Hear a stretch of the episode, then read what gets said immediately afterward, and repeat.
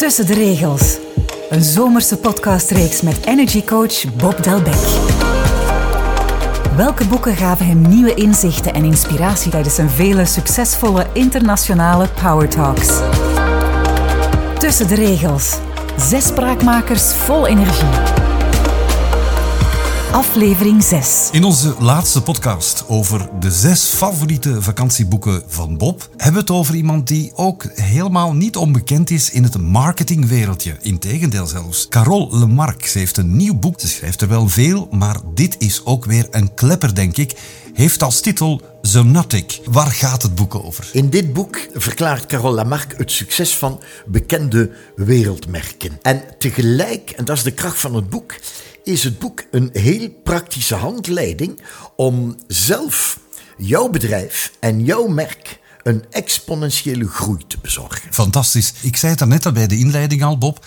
Carole Mark is bij velen geen onbekende. Het is ook een hele fijne dame. Maar vertel toch eens even voor wie ze nog niet kent, wie zij precies is. Ja, zij is uh, in mijn opinie een ongelooflijk veelzijdige dame met een stevige marketingervaring in extreem competitieve markten. Dan citeer ik Shell, Proximus, Bpost, waar zij gewerkt heeft. Zij verschijnt heel veel op de social media met altijd spraakmakende foto's, maar ook met mooie content artikelen.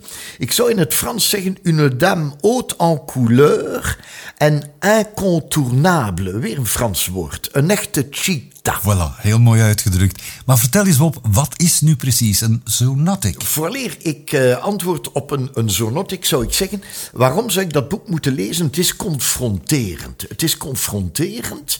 Het zet je aan het denken, maar ook aan het handelen. En zij zelf zegt, ik heb dit boek geschreven om mensen aan te zetten tot verandering. Om verandering in gang te zetten. Instead of watching for failure, you better act for change. En dan antwoord ik op je vraag: wat is een zoonotic? Wel, en dat is de kracht van Carole Lamarck dat zij in haar boek verbanden legt, daar waar anderen geen verband zien. Dus een zoonotic is een nieuw en tot nu toe onbekend virus dat ontstaat wanneer twee bekende virussen zich in een superverspreider of een gastheer combineren tot iets totaal nieuws. Nou, dat is een hele mond vol lijkt wel een beetje cryptisch, maar het boek staat vol met voorbeelden. Ik geef u een voorbeeld. Aan de ene kant heb je een bekende virus, dat is ik wil een taal leren. Heb ik de mogelijkheden, dan schakel ik, huur ik een privéleraar in. Dat is een ene bekende virus. Aan de andere kant, een andere bekende virus, dat is zelfstudie. Ik wil Spaans leren, ik heb niet de mogelijkheden, ik ga dat zelf doen. Kan saai zijn en dan moet je behoorlijk wat zelfdiscipline hebben. Die twee bekende virussen, stel dat die samengaan in een superverspreider en de taal die daar wordt gehanteerd of de vorm is een speelse mediastijl, een, een speelse social media stijl, dan is dat veel plezanter om een taal te leren en dat bestaat, want dat is dus die onbekende virus gegroeid uit die twee bekende en dat is het bedrijf Duolingo, een Amerikaans language learning system Let op, meer dan 300 miljoen mensen hebben die application op een smartphone. En de kracht is de eenvoud waarmee je als spelende kunt leren. Enkele minuten per dag Speelse manier heb ik al gezegd. En let op, 40 miljoen maandelijks actieve klanten.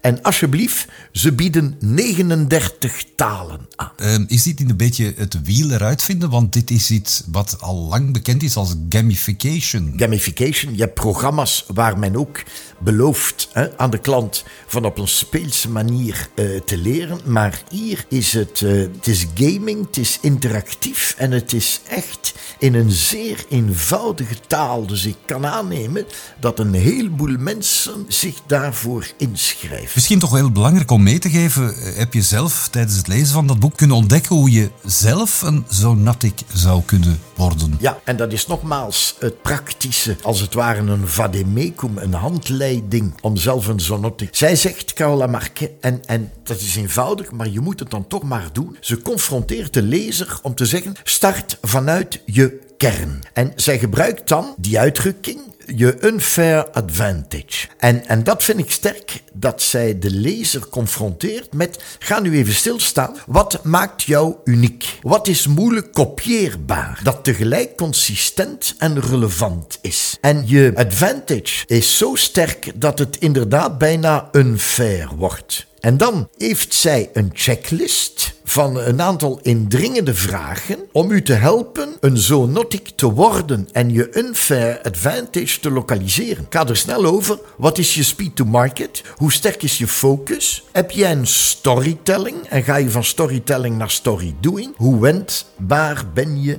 en hoe sterk is je netwerk? Dus met die checklist kun je echt aan de slag om te helpen bepalen en wakker te worden. Ja, ik heb ook een unfair advantage. Ik moet dat nu gaan ontwikkelen. Mhm. Ze geeft ook in dat boek heel wat voorbeelden en laat ook experten aan het woord. Hè? Kracht van het boek dat tussen de zoonotiek voorbeelden, dat je even kunt verpozen om een aantal bekende, minder bekende experten. Ik pik er twee uit. Fons van Dijk.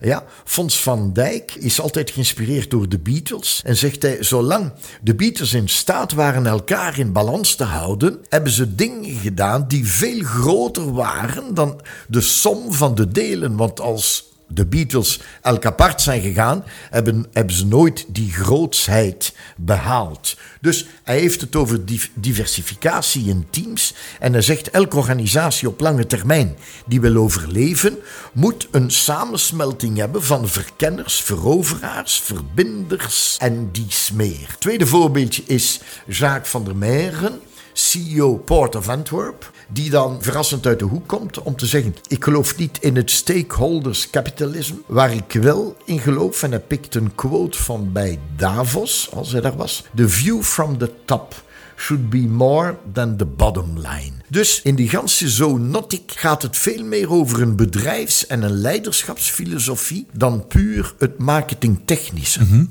En was jij verrast toen je het las? Had je herkenningspunten, ervaringen? Ja, op zeker ogenblik heeft ze het over familiebedrijven, Carola Mark. En ons land hangt aan elkaar van de KMO'ers. En ik kom terug op dat praktische. Er zijn zeven oefeningen waar zij heel veel bladzijden aan spendeert. Er zijn echt zeven oefeningen waarbij jij van step by step een team kunt begeleiden om onderscheidend te zijn. En dat zegt ze, dat is meteen de grote uitdaging van vele familiebedrijven, van verder te zien, te internationaliseren en onderscheidend te zijn. Buiten het feit dat je verrast was, Bob, eh, heb je een goede reden en het is je laatste vakantieboek, dus je moet ons absoluut overtuigen. Waarom dit boek lezen? Want het is natuurlijk geen luchtig boek. Er zitten toch wel wat marketingtermen achter. Je moet een beetje voorkennis hebben. Maar toch je biedt het aan als een aanrader. Je kunt dikwijls denken, en dat is ook een beetje het ontwapenen van Carola Marke, dat ze zegt, ja, denk je alles te weten? Waarom moet ik dat boek nog lezen? Ik weet al zoveel.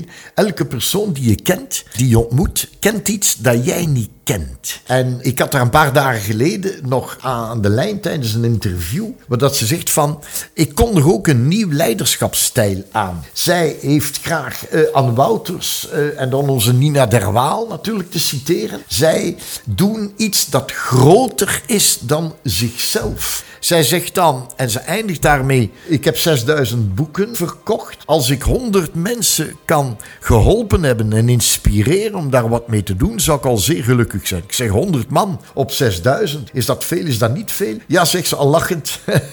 Inviteer een keer 100 man in uw tuin koop een keer vlees voor 100 man. En dan zie je toch wel dat dat een stevige groep is. En de laatste, en dat siert daar, laatste hoofdstuk in het boek is... If there is anything I can do. Dus dat karakter van I'm there to help. Als ik u kan helpen, bel mij. Dat vind ik wel sterk. Het is een heel praktisch handboek, rijk aan marketinginzichten. Maar ik denk dat zij meteen aangeeft dat er in deze post-pandemic dat daar een nieuwe leiderschapsstijl van komt. En daar zitten heel veel verhalen die heel inspirerend kunnen zijn. Een aanrader. Dankjewel Bob. Graag gedaan. Dit was Tussen de Regels, de zomerse podcastreeks met energy coach Bob Delbecq. Wil je nog meer inspiratie? Surf dan naar bobdelbeck.com. Make a new deal with yourself.